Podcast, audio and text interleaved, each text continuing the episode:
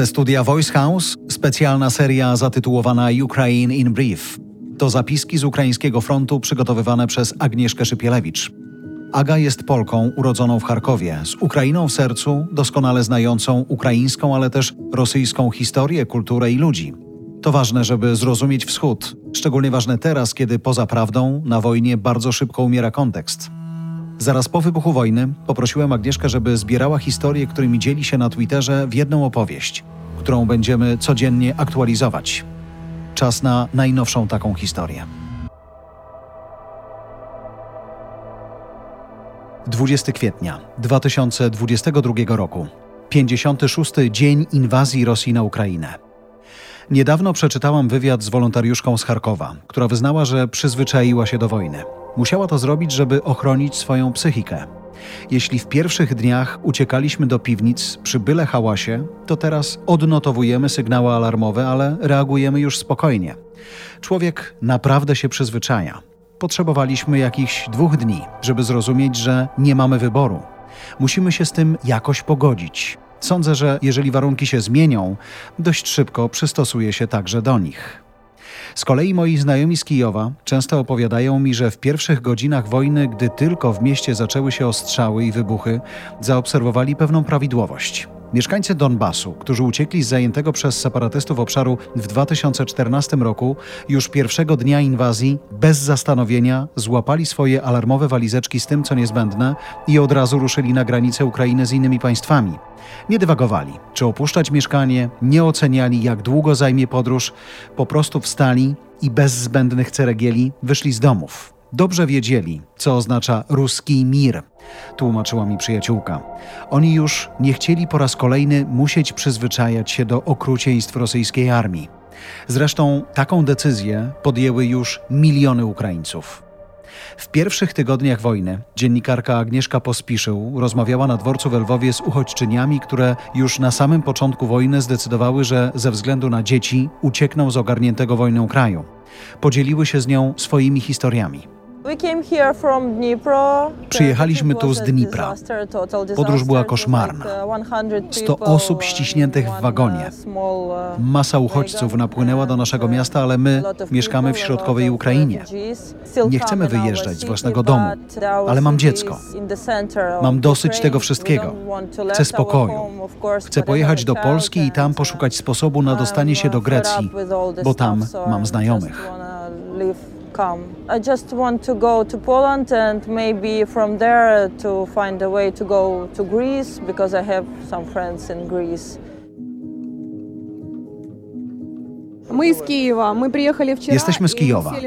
Przyjechaliśmy wczoraj. Wsiedliśmy do pociągu cudem. To był pociąg ewakuacyjny. Jestem zestresowana i dlatego mówię po ukraińsko-rosyjsko-angielsku. Wsiedliśmy z dzieckiem, z córką, ledwie dwuletnią. Bez pomocy naszych ukraińskich żołnierzy nawet nie wsiedlibyśmy do tego pociągu. Było bardzo dużo ludzi. Spędziliśmy dużo czasu w schronie przeciwlotniczym w naszym domu, dlatego że cały czas było słychać wybuchy i bałam się spać z córką. W ciągu dnia to samo. I kiedy już opuszczałyśmy Kijów, czytałam w wiadomościach, że strzelają nawet do cywilów. To było zbyt niebezpieczne, żeby zostać tam z córką.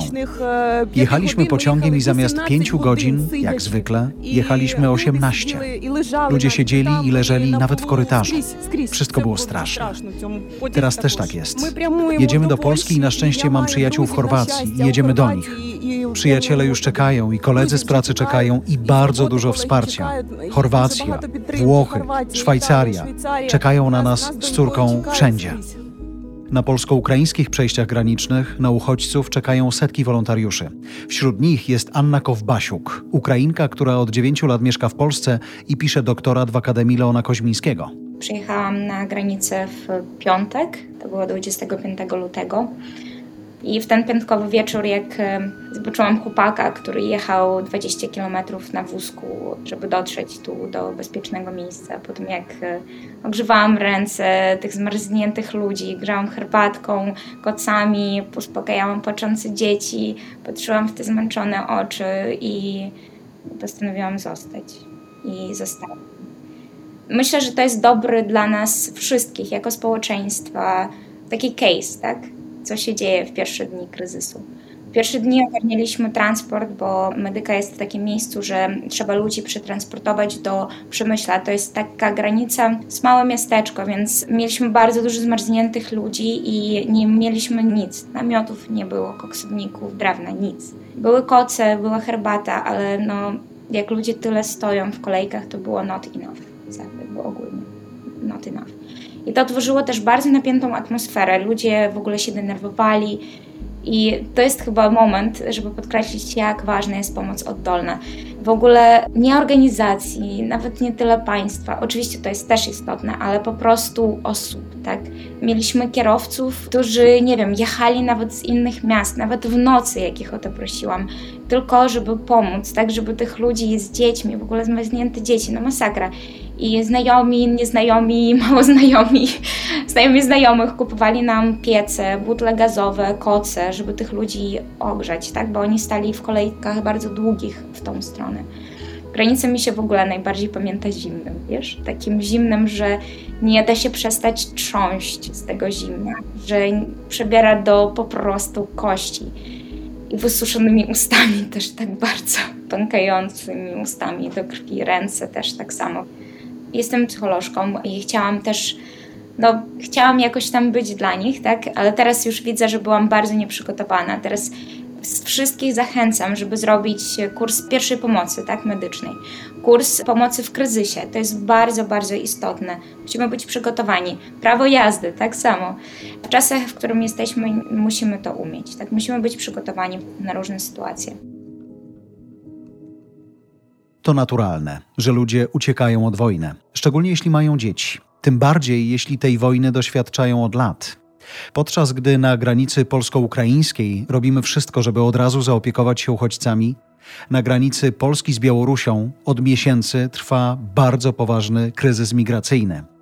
Setki ludzi, zwabionych na Białoruś przez przemytników i zachęcanych przez władze białoruskie do nielegalnego przekraczania granicy, tygodniami koczują w lasach i na bagnach, licząc na to, że uda im się przedostać na upragniony zachód. Szymon Opryszek, reporter Okopres, napisał cykl reportaży o ich losach, który zatytułował Moja zbrodnia to mój paszport. Tym uchodźcom, wbrew przepisom o tym, że nieudzielenie pomocy w sytuacji zagrożenia życia jest karalne, nie wolno pomagać. Można co najwyżej dać jedzenie, suche ubranie, gorącą wodę, ale to wszystko. Wolontariusze, którzy usiłują pomagać, ryzykują także wysokie grzywny i kary więzienia za pomoc w nielegalnym przekroczeniu granicy i przedostaniu się na zachód. Podsycany przez Rosję kryzys migracyjny na polsko-białoruskiej granicy na pewno nasili się wraz z wiosną. Białoruskie biura podróży, wspierane przez Aleksandra Łukaszenkę, zapewne już zaktualizowały oferty podróży w jedną stronę. Do uchodźców, którzy utknęli na bagnach, wypychani z Białorusi do Polski i z Polski na Białoruś, dołączą kolejne ofiary koślawego, ale boleśnie skutecznego planu białoruskiego dyktatora. Na przygranicznych bagnach też jest zimno, tylko nie ma nikogo, kto czeka z otwartymi ramionami i gorącą herbatą. By dowiedzieć się więcej o kryzysie migracyjnym na polsko-białoruskiej granicy, posłuchajcie pierwszego dokumentu podcastowego Moja zbrodnia to mój paszport na podstawie cyklu reportaży Szymona Opryszka, który przygotowaliśmy we współpracy z portalem Okopres. W Askaraj, regionalnym centrum handlu ludźmi, krainie migrantów, fałszerzy i przemytników wszystkiego, co można przemycić, wszystko ukryte jest między słowami. Mailowałem z różnymi przemytnikami ze Stambułu, z Syrii, z Libanu, którzy mieli być bohaterami i od których chciałem się dowiedzieć czegokolwiek na temat migracji. Od początku chciałem się wcielić w takiego migranta. Początkowy mój plan zakładał, że przejdę też przez granicę białorusko-polską, bo chciałem zobaczyć, z czym migranci spotykają się na tym szlaku. Ahmed tłumaczył, że przemytnicy oferują zbliżone ceny do biur podróży. Są jednak szybsi i skuteczniejsi w wyrabianiu wiz, a przede wszystkim zapewniają transport do granicy z Polską, a potem do Niemiec. Ale to już za kolejną opłatą.